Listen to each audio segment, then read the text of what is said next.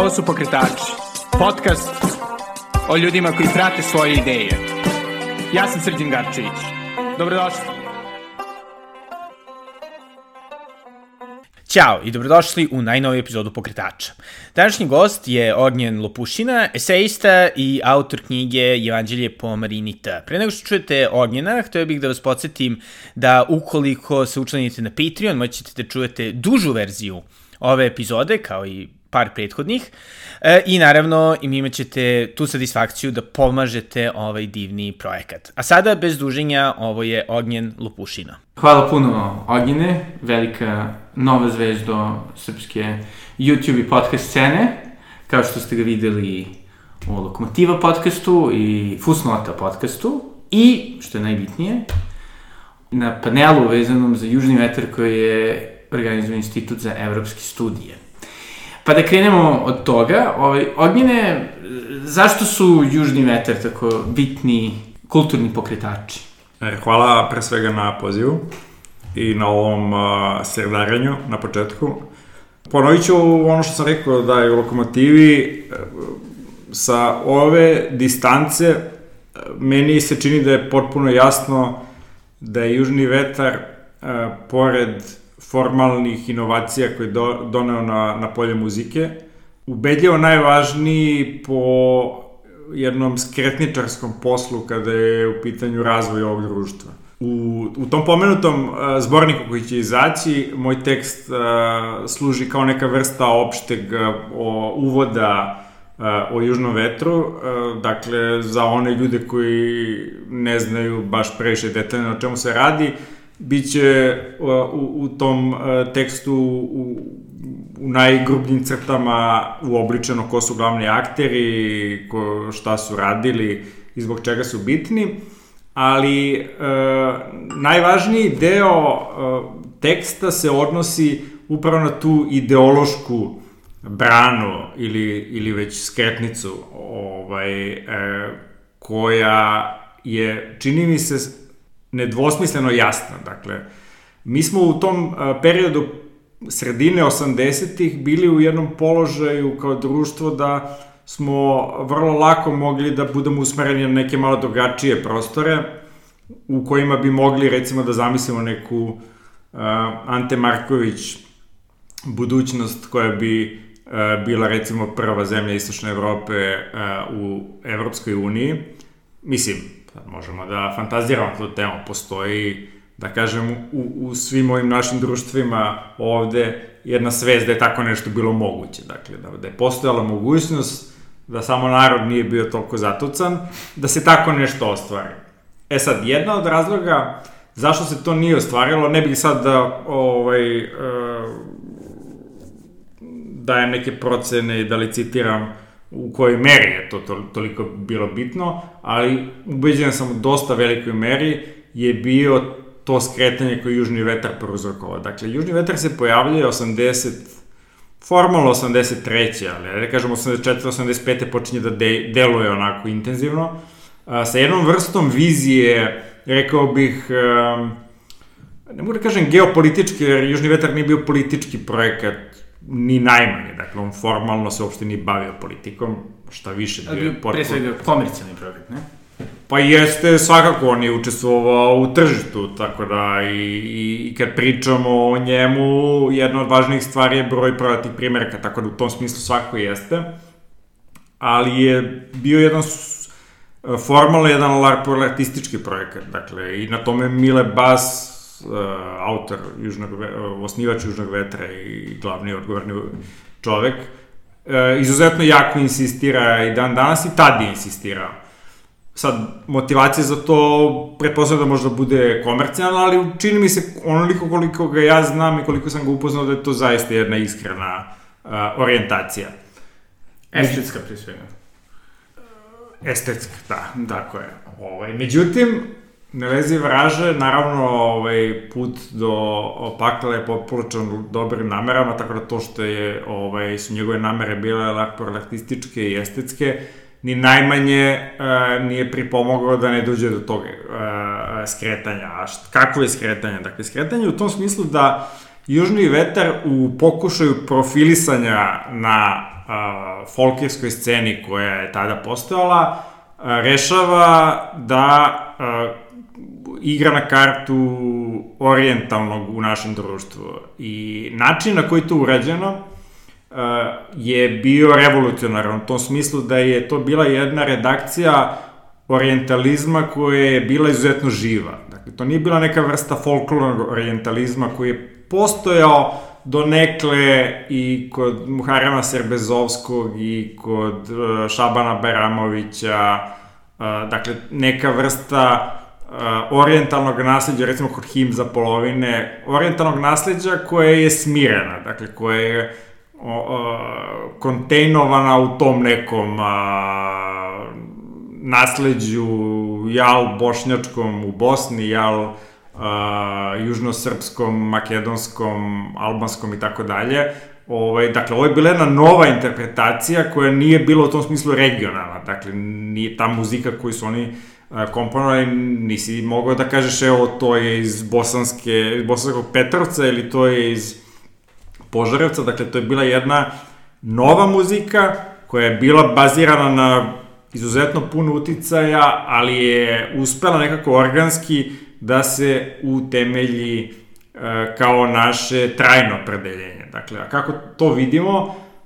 Pre svega po tome kako se razvijala naša narodna muzika nakon toga. Dakle, to je postao na neki način obavezan sastojak naše muzike sve do današnjeg dana. U tom smislu, dakle, je napravljena trasa koju mi pratimo, naravno nije kreirano u vakumu, dakle, nije se desilo baš da je Mile došao i kao da smo neki Slovaci ovde nam objasnio šta je orientalna muzika, ona je naravno, to je naravno postalo u, u, u, pre svega u muzikama i nasledđima Srbije, Bosne i Makedonije. E, ali uspeo to da uradi na takav način da je e, udahnuo bukvalno kao u golema, dakle onaj magični dah koji je probudio uh, uh, jedno biće koje i dalje živi i nema namjeru da stane. Jel nas onda ono odveo na ono autostradu stradanja? Pa to sad zavisi, da, zavisi iz kog uvek gledamo. Dobro, dobro, ali hoću da kažem, ali, kažemo ono, politički usno rečeno, kako bi... Politički znači, svakako da jeste, dakle, naše opredeljenje za tom vrstom um, borbe za uh, nekakve vrednosti koje su karakteristične danas uh, za zemlje, pre svega za zemlje trećeg sveta iz tog, iz tog pojasa Bliskog istoka, pa i ovih zemalja drugog sveta ili prvog sveta koje e, trenutno predstavljaju treći svet. E, dakle, mislim da su one prirodno jedno na drugu nalegle. U tom smislu... E, da su one inokosno postavili prvom svetu, ne? Pa da, iz te perspektive prvosvetaške, mislim da je to zaista autocesta stradanja. A opet sa ove naše tačke gledišta, ako sam je tako da kažem, to je jedan kopernikanski obrat i jedan deus ex machina moment koji nas koji nam pomaže da u miru budemo na ovom teškom mestu na kojem se nalazimo. Onda, jeli, tvoje istraživanje koje, jeli, dodatno su i ostali učesnici panela ovaj, podržali svojim opet radovima i onda se prebacuju na drugu veliku i sjajnu osobu na našoj kulturnoj sceni, Marinu Tucaković i njen opus, I ovaj, kako ona onda, da li ona nastavlja južni vetar ili ga vodi na drugu stranu, kao ex-rockerka, što uvek je li mora da se potencira. Pa to jeste jedna od zanimljivih uh, svojstava Marijane Tucaković, to je taj dugački životni radni vek, dakle, koji je počeo 70. krajem 70. godina i trajao sve do pre 2-3 godine. I u tom luku jednom veličanstvenom mi možemo da ispratimo dosta različite muzičke žanrove i različite izvođače. I to je ono što je u formalnom uh, smislu čini zaista uh, izuzetnom pojavom u našoj kulturi. Dakle, ona kreće od, od smaka, od uh, te neke glam rock, simfo rock priče 70-ih, preko ove bonvivanske disko ekipe beogradske, dakle od Olivera Mandića a, i, i, i, sličnih likova, pa do uh, mainstream XU popa uh, gde imamo Zanu i Noe Fosile i magazin, dakle jednu vrstu izraza, zrelog izraza uh, XU filozofije, uh, sve do, opet sad kažem, to se sve dešava za vreme aktivnosti otprilike južnog vetra, znači od 85. do 90. Marina dominira sa Zanom, sa sa Mišom Kovačem, sa Magazinom, sa Masimom, čak i sa Zdravkom Čolićem, e, Lepom Brenom i tako dalje.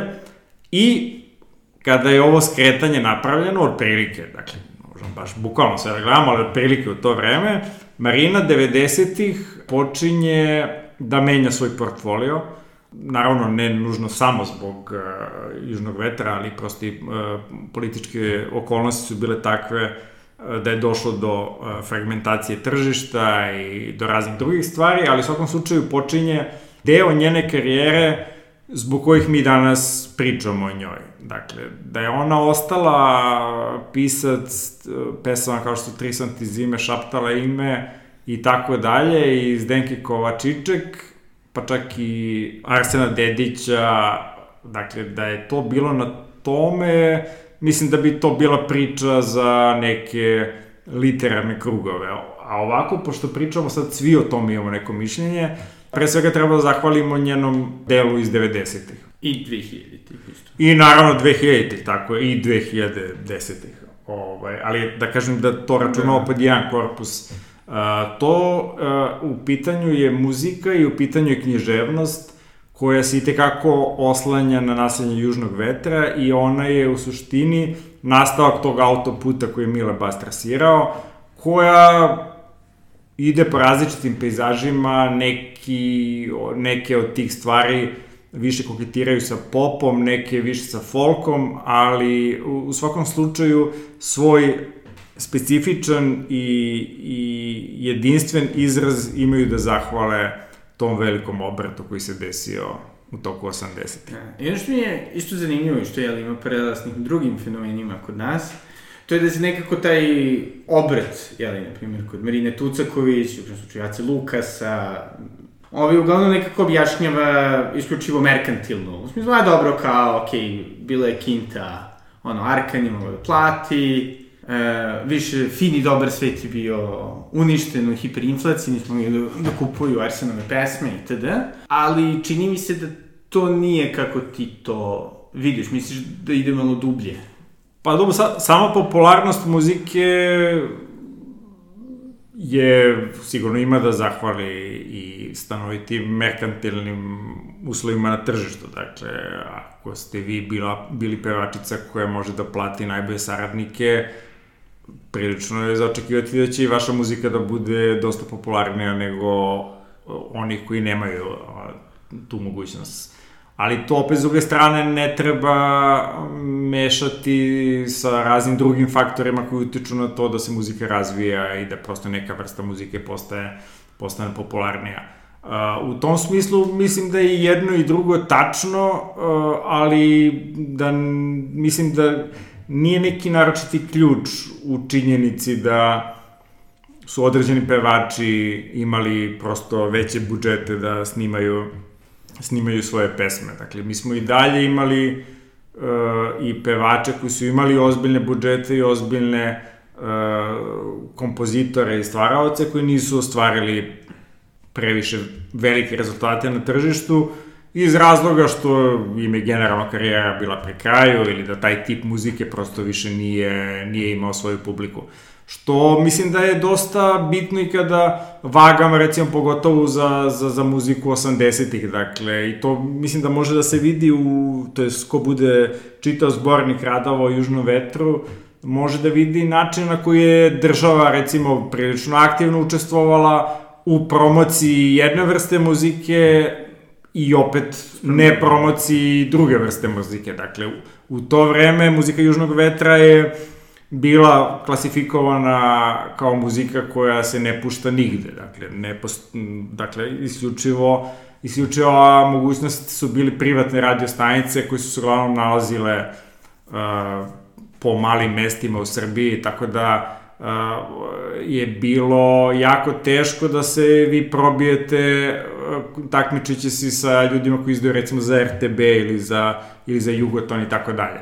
Tako da, u tom smislu država naravno učestvuje u 90-ih, naravno nije bilo tak, takve vrste, došlo je do jedne liberalizacije na jedan način, opet kažem, liberalizacija u tom smislu koja ima para da plati, ovaj, mm. tako da, Mislim da je odgovor između negde. Isto mi se čini i neke ono, sinkretizacije, sam još u jednom tekstu pisao ovaj, Dejanu Milićeviću kao nekome koji je na neki način koristio tu muziku, da stvori taj neki erzac, zapad i tu neku estetiku. Koju Jeste, ali to nije, to nije nova stvar, dakle, ne, to ne. postoji jako dugo, dakle, vi imate Šabana Šaulića koji še, tamo negde krajem 60-ih započinje svoju vrstu narodne muzike koja u tom trenutku naravno sad neko se neće složiti, ali ona stidljivo počinje sa uticajima različitih vrsta mediteranske muzike, Dakle, vi u, u, imate situaciju kraja 70-ih gde on snima, dođe da ostavimo zajedno, dobija od RTS-a dozvolu da to radi, ali na neki način pod uslovom, dakle, da on koristi tu bogatu orkestraciju i tako dalje, dakle, tu postoji orkestar, ceo gudači i tako dalje, da ne pominjem Tomu Zdravkovića koji je vrlo rano počeo, otprilike u isto vreme da koketira sa grčkom muzikom, sa, sa španskom muzikom, da generalno naša produkcija i zabavne muzike i tekako već 60-ih, pa čak i 50-ih počinje da koketira što sa uh, mediteranskim uh, melosom, pa i sa meksičkim i tako dalje. I sa zapadnim evropski fenomeni. Tako je. Da, da. Tako da ta priča postoji odavno, ona 90-ih dobija svoju specifičnu formu. Misliš dakle... mi tu političku formu, gde na neki način možemo, da, mislim, ajte, koliko je Pink, koliko toliko bio neko vrste propagandne mašinerije u kojoj se nekako taj glamur koji je tada nedostajao malo projektu. Ma, ali da, možda i ovo samo ja sam, 90, da, ne znam prosto koje je, koje je, koji je izbor, dakle, da vi 90-ih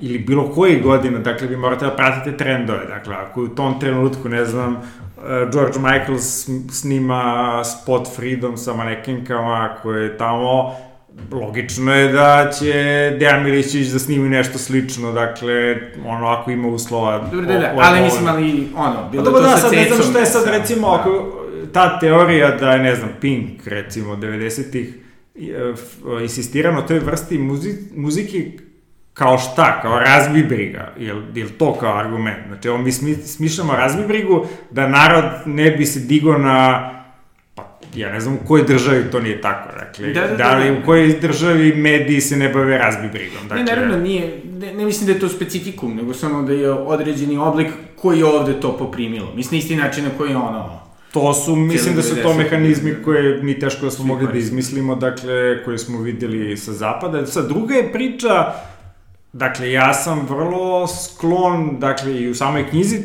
pišem da je zapravo rezultat te muzike iz 90-ih suprotan od onoga, ako je to uopšte i bila ideja, dakle, recimo, vladajuće garniture 90-ih, da evo, nek narod se samo sluša cecu i da se zabavlja, dakle, da ne bi mislio svojom glavom i da bi mi mogli da radimo šta hoćemo. Dakle, mislim da je napravljena kontra usluga tome. Dakle, to je muzika koja i tekako konsolidovala jedan pogled na svet. Dakle, mm -hmm. ovaj, tako da, sa te tačke gledišta, eh, na neki način je, ovaj, čini mi se, urađena medveđa usluga, ako je nekom bila ideja samo da zaglupije narod. Ovaj, tako da, mislim da je to jedan besmisleni argument potpuno. Da Naravno, ono, mislim da je svakako za debatu da li sam ja u pravu kada je pitanju domet te muzike, ali ja sam apsolutno ubeđen da, da, da je muzika 90-ih, generalno život u Srbiji 90-ih, ovaj, od nas napravilo u najpozitivnijem smislu ono što jesmo. Što zapravo znači da, da su zapravo cenzori tokom 50-ih, 60-ih bili u pravu, da to jeste zapravo izrazito subverzivno Apsolutno, I emancipatorski, da. muzički. Jeste, on. jeste, da. Mi smo imali, tada iz drugih razloga, naravno, ne iz ovih eh, o kojima sad pričamo iz 90-ih, Dakle, postala je jedna, generalno društvo, to je ovaj, uh, ex-ju društvo, pogotovo to ranije, u trenutku dok je država bila još iole funkcionalna i imala neke ambicije da uh, vas postavlja neku vrstu sistema vrednosti, što mislim da je već tamo nekada početkom 70-ih, kraja 60-ih digla ruke od toga i prepustila to manje više tržištu. Ovaj, je, imala tu neku potpunu izgubljenost uh, u smislu Jugoslavije na razmeđi istoka i zapada, dakle, to je jedno potpuno izgubljenost u smislu da li treba da pratimo zapadne vrednosti ili treba da se plašimo uh, nekih imaginarnih istočnih vrednosti, ali bez obzira na tu izgubljenost, postojala je ta jedna vrsta ideala nekakve ozbiljnosti, pristojnosti, dakle onoga Što čini mi se da kao pelcer i dan danas u našem društvu, pogotovo kod uh, ljudi koji pripadaju obrazovanom delu društva, postoji kao neka vrsta atavizma. Dakle, ne objašnjava ta neka pristojnost. Dakle, neka pristojnost koja je van uh, van uh, religioznog dela ličnosti. To je neka pristojnost iz bontona, dakle, ovaj, šta treba da se radi, šta ne treba da se radi, šta je pristojno, šta nije pristojno. Dakle, bez neke prevelike bez velikog etičkog uzemljenja, dakle, pre svega jedna estetska pristojnost, I uh, u tom svetu smo imali ljude koji su bili zaista izuzetno e, kao ličnosti emanacija takve vrste e, pristojnosti. Dakle, to su bili ti neki ljudi o, što se danas sa ponosom pominje, recimo na radiju Beogradu, da nije mogao, znaš, tek bilo koja šuša da dođe tu da snimi, razumiješ, da to su bili, ne znam ja, kakvi testovi, to su bila sviranja, svi su mrtvi, ozbiljni, sve je onako do besvesti ozbiljno i seriozno.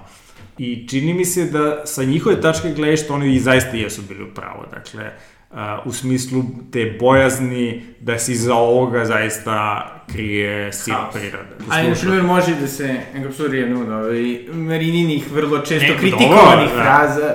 Uh, volim ukus tvoga Johna čeki kada na njemu donosiš minju te neka doza patosa i... Pa dobro, da, svašta tu ima, dakle, ako ćemo sa te, da, ako ćemo sa te Marinine strane, ja sam to izdvojio u knjizi, dakle, kao pojam emotivne lude, dakle, iz one s istoimenog albuma Cecinog i, i pesme u kojoj se ta ta, ovaj, ta, taj stih, to je ta sintagma ovaj, pojavljuje kao jedan od ključnih tih dometa, dakle kad pričamo o tome šta je to, dakle zašto smo mi takvi, zašto je to bitno, dakle to je taj termin emotivnog ludaka ili emotivne ludače, dakle to je taj naš uh,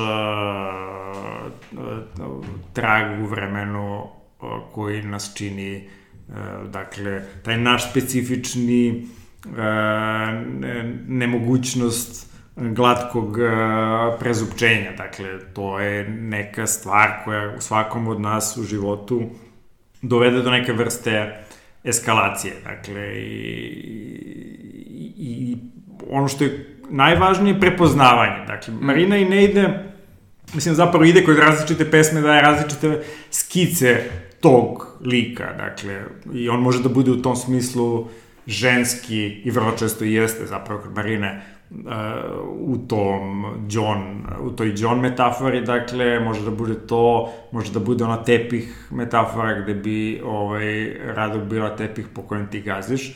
Može da bude još uh, bezbroj drugih uh, narativa koji mogu da budu i osnažujući, mogu da budu i slobodoumni, mogu da budu i feministički, mogu da budu i maskulinistički, mogu da budu i patriarhalni, matriarhalni i tako dalje. Ali to u suštini meni lično je mnogo manje bitno dok god je ova suština, dakle, prepoznata, da, da to smo mi, dakle, ja, ono, kad, kad prepoznam nekog koji je emotivni ludak, čak i ako je potpuno priča, neko drugo priča od mene, od mene, ja imam uh, onu najvažniju dozu ljubavi i, i poštovanja, kažem, ti si moj brat ili ti si moja sestra, lako ćemo za ove, za ove druge stvari. A i ne ogine, ne mi. Nismo emotivni. Lude. To jest, ove, pa ne, ne, taj, taj koji to kaže, dobro, on, on, on, on baš pogotovo jeste, to je potpuno jasno i zato kažem sa, njih, sa takvim ljudima najviše volim da ovaj, se a, Druž. družim. Jer život je duži. Tako je. A, a najveći problem, naravno, to su naša braća i sestra koji su izgubljeni u toj priči, dakle, koji su fazonu... Da.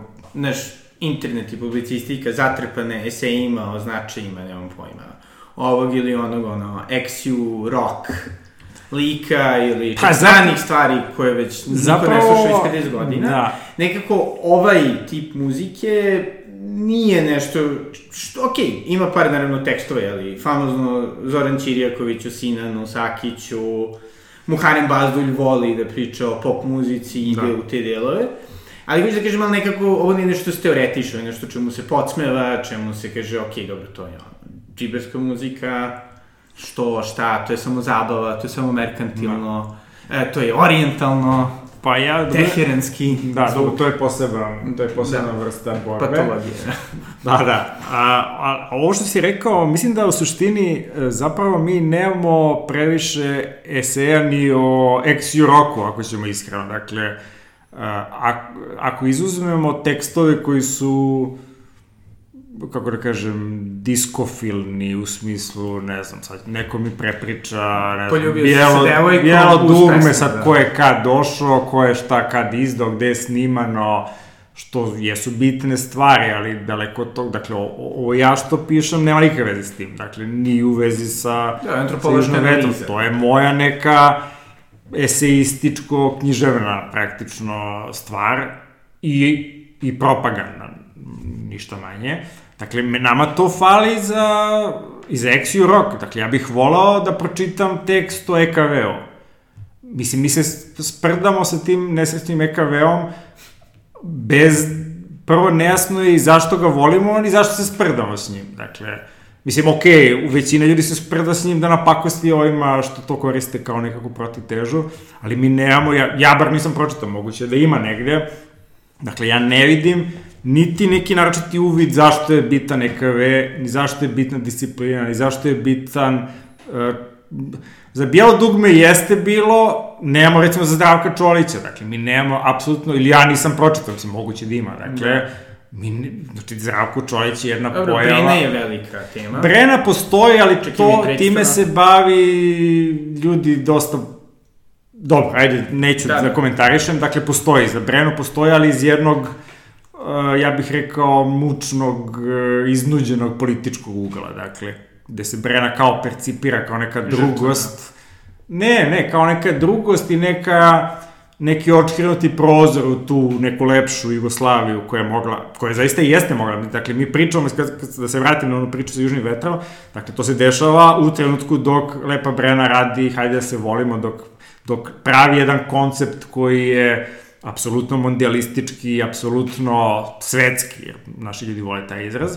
Dakle, u tom trenutku se... Brenika. Tak, šta? Ona Brena Barbika. Je, da, apsolutno ceo taj total dizajn, dakle sa Brenom, prati jednu svetsku priču mondialističku, a sa druge strane rađa vam se Južni vetar koji kao kukajuće jaje, znači ostavlja cecu. I sad danas mi kada analiziramo, dakle, popularnost Brene i cece, mislim da niko ozbiljan, dakle, ne može tu da izađe da, da, da se bavi nekom vrstom uravnilovke, dakle, to je potpuno nešto drugo. Dakle, ja mogu sad sa zadovoljstvom da kažem da je to jedan proizvod koji nije ovde, ali opet s druge strane ostavio izuzetan trag. I, i Bogu hvala da imamo sada i te tumače, imamo ovaj događaj recimo o, kako se zove, Sinida Brena, totalno jedan reakcionarni događaj, dakle, u tom smislu, koji nas opet vuče u tom pravcu, ovom evropskom, ovaj, a, i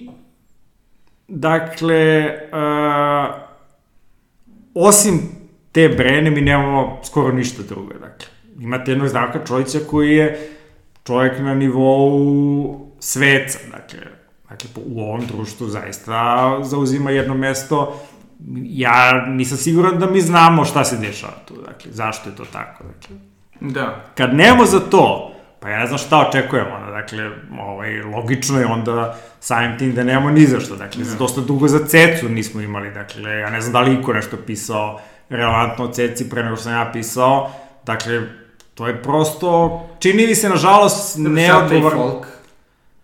Pa to je, ja bih voleo da je sav taj folk bio zapravo ceci. On se bavio na jedan izuzetno površan način generalno narodnom muzikom i pre svega kroz jodlovanje tih nekih političkih ideja koje stižu iz inostranstva i baveći se krivično pravnim dakle, pitanjima vezanu, vezanih za Svetlanu Ražnatović. Dakle, to kad bi sad snimio Dobro, ima a, i naći dobar zlob, da.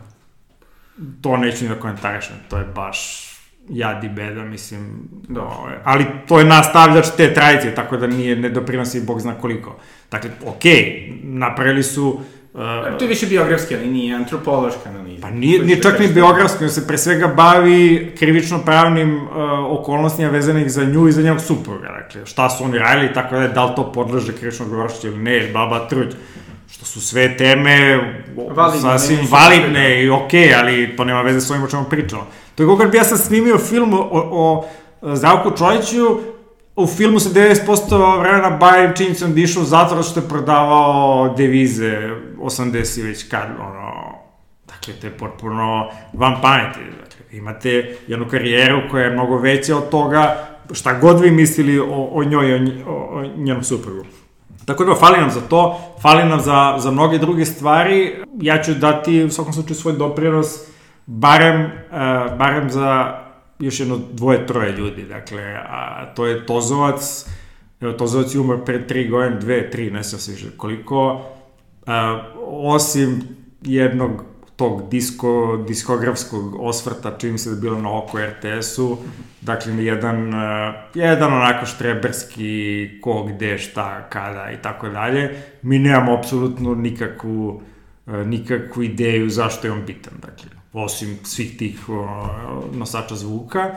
Drugo je Vida Pavlović, dakle, ključna osoba naše, naše kulture, I, i, i ima još par, par likova, kvaka recimo zaslužuje svakako, a kažem, ja se zaista radujem i nadam se da će neko napisati i o EKV-u i o raznim drugim autorima naše kulture koji neosporno imaju ne, neki značaj. Dakle, bez obzira da li on drastično manji od Cecinog, dakle, neosporno je, zna se manje više ko su autori a, koji su zadužili ovo, ovo društvo. Pošto, okej, ja povremeno pišem slične seje o, o kulturnim temama, ne, ne toliko dobro promišljene kao što su tvoji svakako.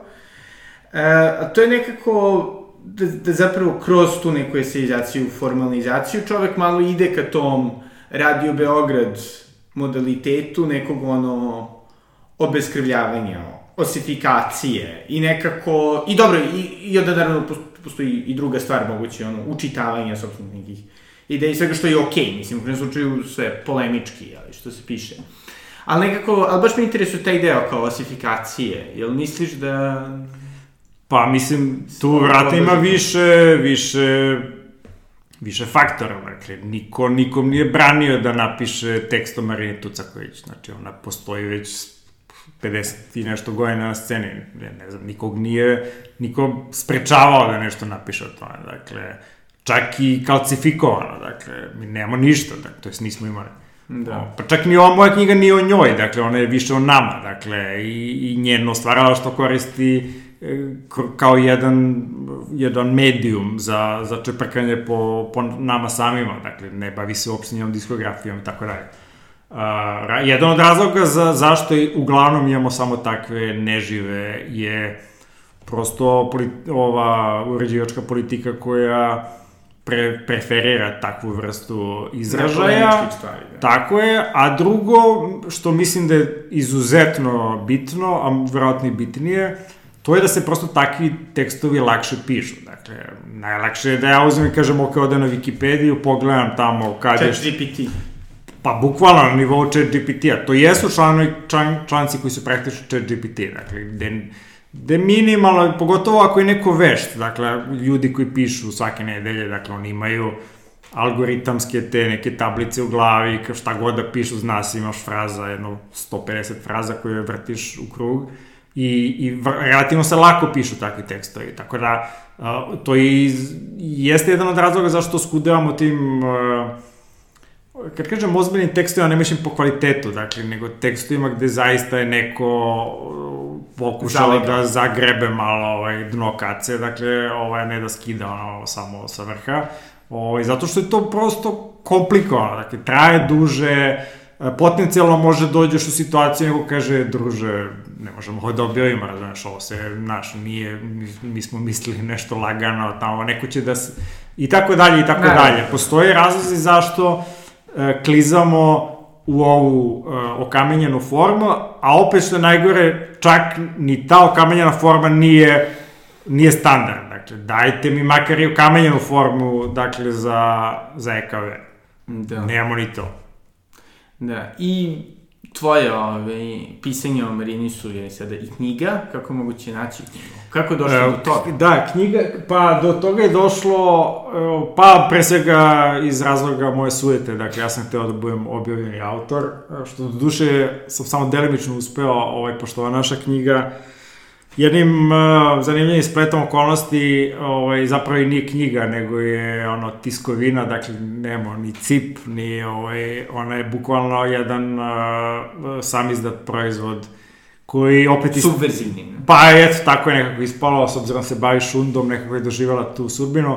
Za to smo delenično sami krivi, ovaj, ali opet uh, verovatno ima i nekih drugih ovaj, okolnosti. Međutim, knjigu, knjiga može da se nabavi i to u jednoj jako lepoj uh, knjižari i u jednoj la, jako lepoj kombinaciji, dakle u knjižari Lovers, uh, to mislim da je u Višnjićevoj, uh, možete kupiti knjigu uh, Glampiri Vladana Maksimovića i uz nju ćete dobiti na poklon knjigu Evanđelja o Marini T. Meni je jako drago da sam razvio tu vrstu simbiotskog ovaj, izdavačkog poduhvata, iako nemam nikakve fajde od toga ovaj, ekonomske, makar ovaj, eto, mogu da da se osjećam dobro što sam pomogao da. ovaj jednom, jer jako zanimljivoj knjizi u svakom slučaju koju ovaj, mislim da bi svi, svi trebali da kupi nevezano za ovu, ovu kako se zove, za ovaj Bonus. paket koji postoji. Ovaj, naravno knjiga, što je najvažnije, može da se pročita od uvek od početka na sajtu Before After, e, tako da, pošto igramo za, igramo za narod uvek, ovaj, svako može za džabe tamo da je, da je pročita. Sjajno. A, ovaj, a čisto me interesuje onda nekako ceo taj, jeli, proces publicistike, pisanja, pogotovo kao čoveka kome to nije, da kažemo, ono, primarna profesija, koju ne izvor prihoda, mm. Ove, ovaj, šta ti izlačiš iz toga? Pa, zašto ljudi treba da se bave takvim projektom? Pa ne znam, da, da e, zašto treba da se bave, pa iz više razloga, sigurno ja sam počeo tako što uh, su me, zvao me ovaj, jako dobar drug koji je bio u uredničkoj ekipi Before Aftera da im pomogne malo sa nekim temama koji su iz domena IT-a, pošto mi je to bilo kao prirodno stanište na neki način. I ja sam zapravo počeo tako.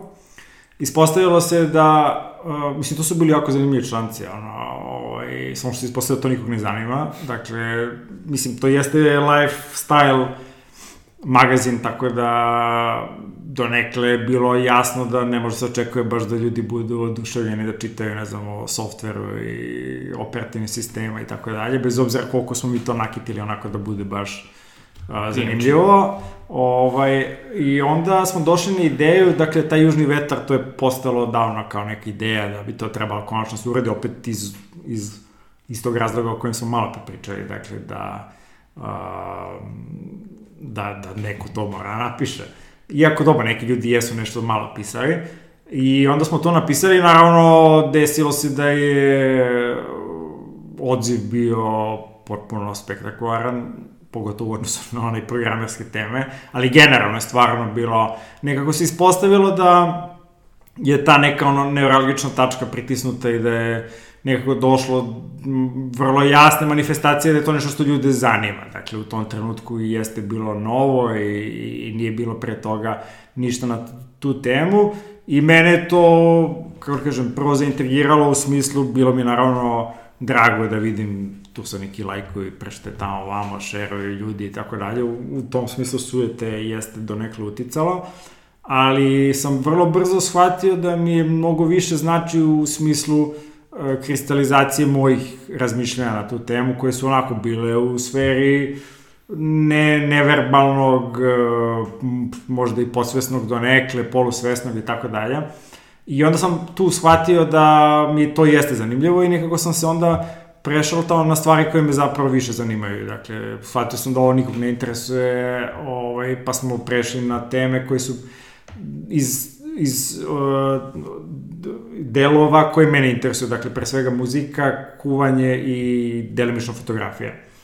Uh, i, I to mi je bilo i dan danas mi je s jedne strane izuzetno prijatno, s druge strane izuzetno stresno. Dakle, ne, meni to ide jako teško, dugo, dugo mi traje i pisanje i, i, i urednički deo i razmišljanje da li sam, da li nisam, ovo, ono, ovaj, tako da je, mislim da jeste bitno, pogotovo kad pričamo o pisanju, zato što dosta utiče na, na ličnost, dakle utiče na, na to ko smo i šta smo, ovaj, a pogotovo još je bonus kada vi uspete na toj platformi da upoznate ljude, da shvatite da niste sami u tim svojim suludim idejama ili već fenomenalnim idejama, ovaj, tako da Eto, to je otprilike neki, neki način ovaj, e, kako sam počeo da radim i pitanje je sad koliko će to dugo da traje. Dakle, vidjet ćemo, jer ja nemam, kažem, teško mi ide i onda nemam potrebu da ulazim u te teške procese bez nekog ozbiljnog razloga. Dakle, najverovatnije nikad se ne, to jest, i ne bavim se i nikad se ne bih bavio pisanjem zaista kao, kao profesiju. To, to duše, ok, mislim, postoji jel, i drugi načini, postoji jel, podcast, Naravno, da, da, da, ali pričam pre svega o pisanju, zato što je to da, da. dosta to drugačija vrsta, da. jeste, dakle, drugo je to da sad sedimo mi da pričamo, vratno bi mogo 10 sati da pričam, ali uh, ovde, iz, ono, prosto drugačije, forma, pogotovo da, ako, ako, ako ne radim, opet kažem, puku neku algoritamsku varijaciju na teme, dakle, kao neki malo gluplji chat GPT, da sad kažem, evo, tema ti je ta i ta, imaš, ne znam, ja, hiljadu karaktera, znaš, raz, uvod, razrada, zaključak, tralalala, to je manjiše kao bilo koji posao. No. Ali jedna od stvari koju mi se čini da je recimo meni dosta oblikovala ovaj odnos prema narodnoj muzici koji je dosta slično išao kod tvoj, kao nešto što je bilo prvo okay, pa onda malkice haram, pa onda posle, zapravo okay, kad ti patio koliko moji kolegi bugari sa faksa vole našu narodnu muziku i nekako, iako i nema tu dozu socijalne stigme koju ima kod nas, preko, jeli, te neke ironije, čak sam i snimao neke videe ima na YouTube, prilično cringe, ali je zabavno, ponosim se time, da bi na kraju zapravo, ono, krenuo da je više, da kažem, promišljam baš u tome kada bi me neko, ono, suočio s tim, pa kao, ti zaista slušaš ova sranja, to je odvratno, to je šumčina, zašto ne? I onda nekako moja razmišljenja u tom dosta kristalizovalo baš u tom nekom, ajde da kažemo, ono, sukobu i toj debati. Je li slično bilo i sa tobom ili... Pa, mislim da ne. Ja sam i kasnije i sada generalno izbegavao da ulazim u te, do, ne uvek baš skroz uspešno, ali da izbegavam uh, taj najbukvalniji dijalektički sukob, uh, jer zaista ja sam ubeđen da od rasprave te vrste nema praktično nikakvog efekta, sem ako nije sad pojenta da budeš najpametniji u, u toj da. nekoj ekipi, dakle da ti okay. sad triumfuješ da poraziš nekog tamo i da onda ovi tvoji nešto te nose na ramenima, što nije, kako kažem, nelegitiman poriv, dakle, i to manje više svi isto radimo s vremena na vreme. Ali, ako nastupaš se ideje da hoćeš da podeliš ljubav, dakle, da nekoga, da, da nekoga, mislim, ja, nije meni misija da dokažem da si ti glup, dakle, zato što ne slušaš moju muziku, to je, da. mislim, kao... Ma da dosta ljudi ima tu foru. Ima, da, ali kažem, ako je, mislim, okej, okay, nekad da. možda i ja hoću da neko bude ispadne glup, razumeš, ali generalno se vrlo brzo posle toga stidim. Ono, da. Realno ne, ne izbjegavam to da radim. Iz razloga što prvo nema nikog efekta, a drugo mislim da nije dobro za mene samog. Dakle, ako nastupaš sa ideje, sa ideja je da želim da svi zajedno slušamo narodnu muziku, onda ću ja biti voljan da, ako ti kažeš je slušaj, to su Sloba i Mira, sedjeli za miksetom i ovaj, smišljali uh, pesme Željka Šašića ili Džeja, ja sam u fazonu, ok, ajde, polako, ajde da vidimo, dakle, kako to funkcioniše u Engleskoj, kako, slušaju, kako funkcioniše u Americi, pa da vidimo, znači, na stranu, uopšte da ne ulazim sad da li Slobo i Mira su bili zapravo dobre, a ne loše, znači, ne, uopšte ne moramo tu da idemo, nego kažemo, ok, ako smo ozbiljni ljudi u, sklanu, u stanju smo da razumemo kako ti procesi funkcionišu, ovaj, i, i u, u tom smislu, ako pričate sa nekim koji iole normalan, dakle, on uglavnom shvati da je situacija, da mora da reterira, makar na nivou, ono, de gustibus non es disputandum, da. u najmanju ruku, do toga da kaže, a pa dobro, ajde, kao, znaš, onda, na, onda uvek imaju onaj uh, položaj, kako se zove, pozadinske položaje koji su, pa dobro, ja ovaj, zapravo volim Volim staro dobro, naravno, volim, ja, recimo... staro. Jeste, staro, pa ili već šta god, ne bitno, da. ima tih šančeva nekoliko, sve dok ne dođemo na kraju do, ovaj, do, do suštine, da. Ovaj, tako da, meni je lično to uvijek bila motivacija. Dakle, jesam se napušavao možda par puta s nekim ovaj, ljudima na internetu, ali ne, stvarno ne mnogo puta. Da. Dakle, i uglavnom ako bi bio neki ad hominem ono, napad, ovaj, pa ono malo, ali i tad sam se ono trudio da budem maksimalno uh, opušten, jer mislim stvarno, meni je stvarno velika nada da ćemo se svi naći u toj priči. To je, u tom smislu, ne postoji borba, dakle, ne, ja, ne, ja ne želim da budem u borbi sa svojim zemljacima, dakle, kad kažem sa svojim zemljacima, ne mislim samo na isključivo na građane Srbije koji pripadaju Pa ovo sa širok sveta baš ne više toliko široko, da, ali da. za naše Neću ljude, razumiješ, naše ljude, za naše ljude. I nekako sada postoji ta velika rupa na našoj sceni sa odlaskom Marine Tucaković i njenog sina Laće. Koga vidiš da nekako to nastavlja, drži tu baklju? Pa iskreno da budem, ne znam, dakle, nemam sad trenutno nikak, ako pričamo pre svega o, prepostavljam pitaš za tekstopisce, da. da, ne za autore. Da. Dosta je to dobro pitanje na koje ja nemam apsolutno odgovor, ne zato što nisam razmišljao o tome, već zato što naprosto nemam, nemam mišljenje o tome. Ako pogledamo Marinu, dakle, mislim da je, kako kažem, verovatno je bezbedno da se oceni, što bi rekli englezi, da neće biti tog kalibra. Dakle, zaista je jedna pojava kao što vratno neće biti novog Michael Jordana i ne znam ja čega, bar ne u dogledno vreme. Dakle, mora da prođe dosta vremena, da se postavi neka nova paradigma, da se promeni muzika dovoljno da bi, jer mi smo i dalje u njenom šinjelu, dakle, sad, ok, neko će da zameni njeno mesto, to nije sporno u smislu produkcije i broja kod Sokoja prijavljenih tekstova, to će vratno da bude neko, šta god, da neki da. Braja ili već nije ni bitno, o, ili ne znam ko je sad od ovih noj, Aizi recimo, Aizi je, možda ima ovaj, e, neku, dakle to je ovo Slatko je more, između ostalog, e, ali, mislim, to je, to je ko put od, od, od, od milion kilometara, on je na, na 100 metra, tako da to ćemo da vidimo. Um, čini mi se da mora da se promeni dosta, nešto novo, moramo da, da, da pronađemo potpuno nešto novo i to je nešto što ja verovatno nisam u stanju, niti da mislim da mi možemo da uopšte razumemo šta je to, dakle, koje su to filozofske stvari koje se menjaju, jer sama Marina je dosta prošaltala, dakle, od od tog, e, recimo, ono, bonvivanstva beogradskog početka 80. godina, preko Cece i ono, bombi 90-ih, dakle, u 90-im, onda, dakle, Grand koji je jedan, ono, potpuno merkantilni, sažeti, ono, skoro algoritamski način za pisanje pesama i uopšte sve mnogo svedenije, mnogo blaziranije i tako dalje do ovog poslednjeg dela koji već ono se rasplinjava potpuno u toj nekoj uh, sažetosti koja je ono bukvalno na nivou ključnih nekih reči, dakle nema više... Da, puci pičko vreme. Pa da, dakle vi imate to prvo pesme od dva i po minuta, dva minuta, to su, to su stihovi po tri reči, dakle koje se vrte u krug i tako dalje. Ovaj, ne, ne, ne govorimo ovo sad u smislu nekog proz, prozivanja kvalitativno, prosto živimo u takvom ž- društvu. Drugačije forma. Tako da šta će biti sad za, ne znam, 10-15 godina, Bog sveti zna. Ovaj, ja se nadam da ću biti tu da o, odstatiram, ali nisam siguran ovaj, ovaj, u kom, kom pravcu će uopšte to da ide.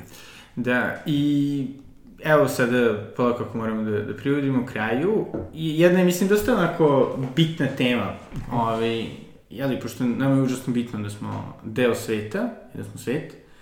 Koliko misliš da je taj neki ovaj, oživljavanje turbo folka, sada jeli imamo, ok, dobro, Toma, čuo smo lokomotivi, i slažem se, je malo drugačija stvar, ali nekako ljudi dosta više otvorenije pričaju turbo folku, više nema tu neku društvenu stigmu i sve to, i čega smatraju izrazito, jeli, ovaj, punkerskim ovaj, pravcem, koliko je to nekako deo tih nekih širih svetskih tendencija, jeli, ono, tipa imaš ceo taj, ono, dirtbag, left, i tu neku kao alternativu, Šta- šta- kontra, šta je- to je, pa, pa to je zapravo levica koja je kao kontra, ajde da kažemo one blazirane, e, dosta PC levice na, na zapadu ili opet s druge strane i na desnici postoji taj, jeli, ekvivalent gde kao neće da prihvate ono, a, slobodno tržište, To je kao šta, Pa- Jacobin, šta? uh, Dirtbag Left bi više bilo, ne znam, ovaj, Red Scare ili, ovaj, ne znam, Chapo Trap House, gde se kao neke stvari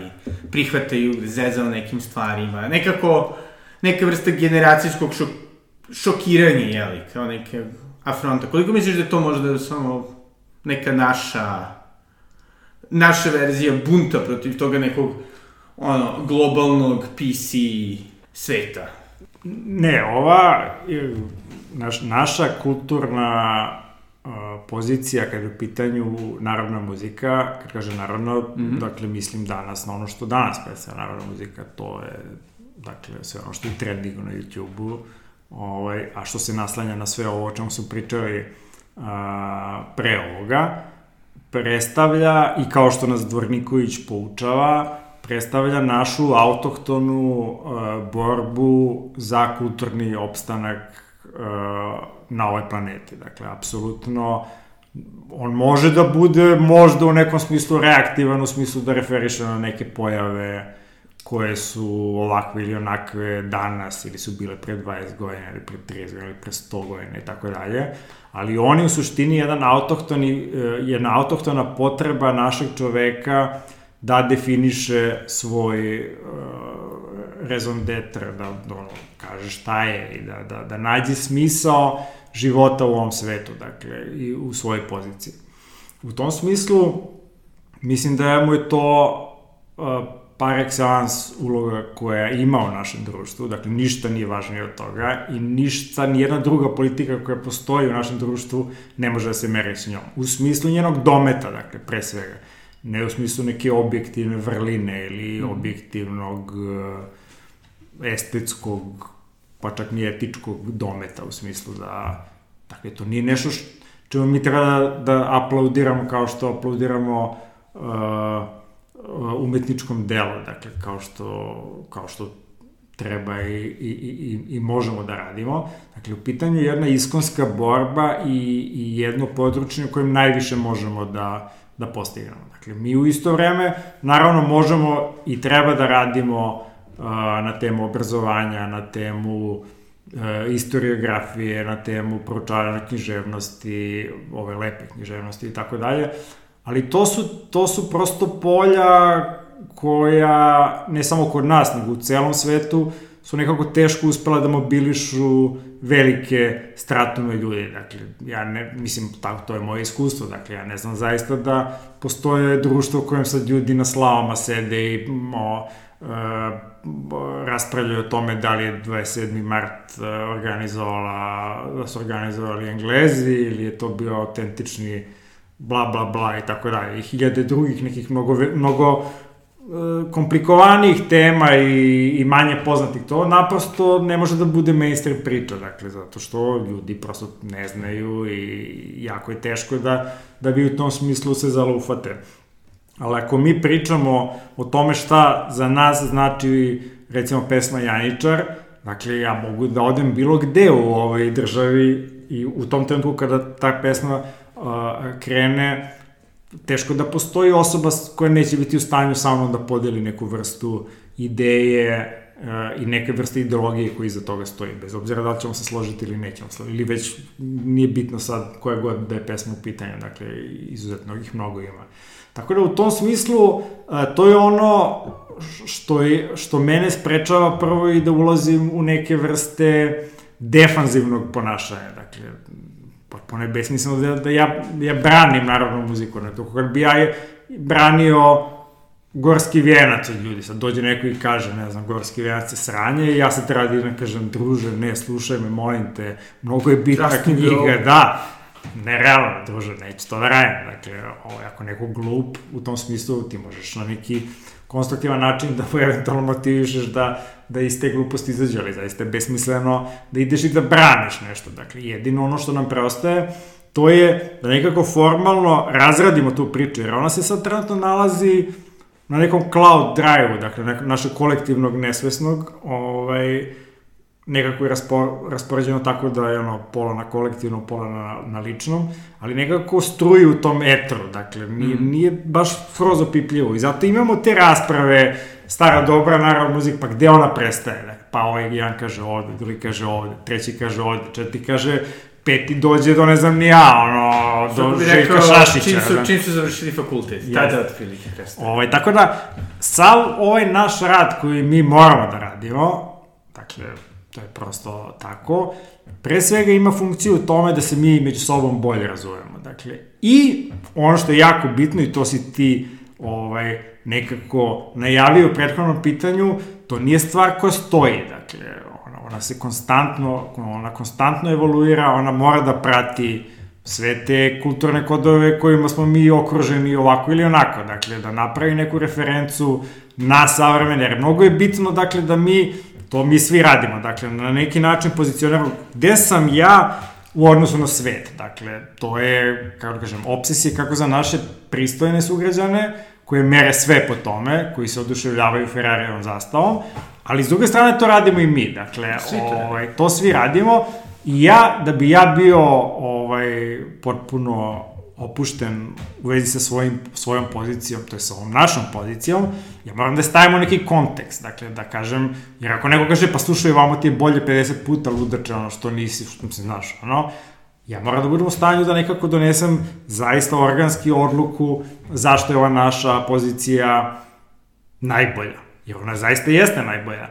Ovaj, e, ali da bi, da bi ta odluka zaista bila valjana i potpuno temeljna, dakle da nije mi sad rekao Sređan Garčević, pa evo sad ja njemu verujem za svom faca, a negde tamo u Ključ. potiljku kljuca razume, druže, ono što znaš, pa vi šta se ovo dešava, čoveče vidi oko nas, pričati ovaj lik nešto, a potpuno druga situacija se dešava. Da se to ne bi desilo, znači ta naša vera mora da bude jaka. I u tom smislu je izuzetno bitno da napravimo neku vrstu uh, dijaloga. Dakle, taj dijalog mora da bude hrišćanski, dakle, ne, ne može da nastupa sa, sa pozicije vi ste svi bednici, a mi smo, jer to, jer to i nije poenta Nebeske Srbije, dakle, nije poenta su ostali untermenšovi, nego je poenta da mi znamo šta hoćemo i da u tom svom znanju uh, nikoga drugoga ne maltretiramo, ali to znanje zahteva kontinuirani rad. Dakle, da. i to je ono gde mislim da je najveći izazov za sve nas, pogotovo za ljude koji će tek da dođu, ovaj, da nekako nađu načine kako će da se zakopčaju iza ovog pre njega, iza onog pre njega, iza onog pre njega i tako dalje i tako dalje. Ne do Dvornikovića, nego do do Svetog Save i tako dalje i tako dalje, dokle god, jel, ovaj, ko ovaj, voli da ide dalje i da napravi vezu sa, sa savremenim, savremenim društvom. Da, i rekao si da je Lana Del Rey e, nedoraslo dete Cecino ili... To ne sam sada pričam zato što e, pa imam tu jedan projekat ovaj, koji će da da skromni doprinos u smislu tog, tog držanja za ruke sa, sa svetom. Znači, sa Lanom Del Rey pa se ovih da i sa Andre, naravno, ona je... Mislim, eto, ja se nadam da ću tu uspeti nekako, čini mi se da je to već sada jasno, dakle, svakom ovaj, ko, ko nije baš ono anesteziran potpuno od uh, čojstva i živine, potpuno jasno da je Rey ono, emotivna luda koja nema ovaj kapacitet o kojem mi pričamo. Dakle, ona ne može da uradi sintezu. I dobro, znači nadamo se Ceca vs. Lana Del Rey. Ma ne, nije versus, to je, to je, kako da kažem, ne mogu sad Ceca kažem, ne mogu da, ne mogu da otkrivam previše, nis, ni, nisu samo njih dve. U sledećoj, u sledećoj epizodi. se. Ako Bog da, Ako Bog da, da. biće, da, biće.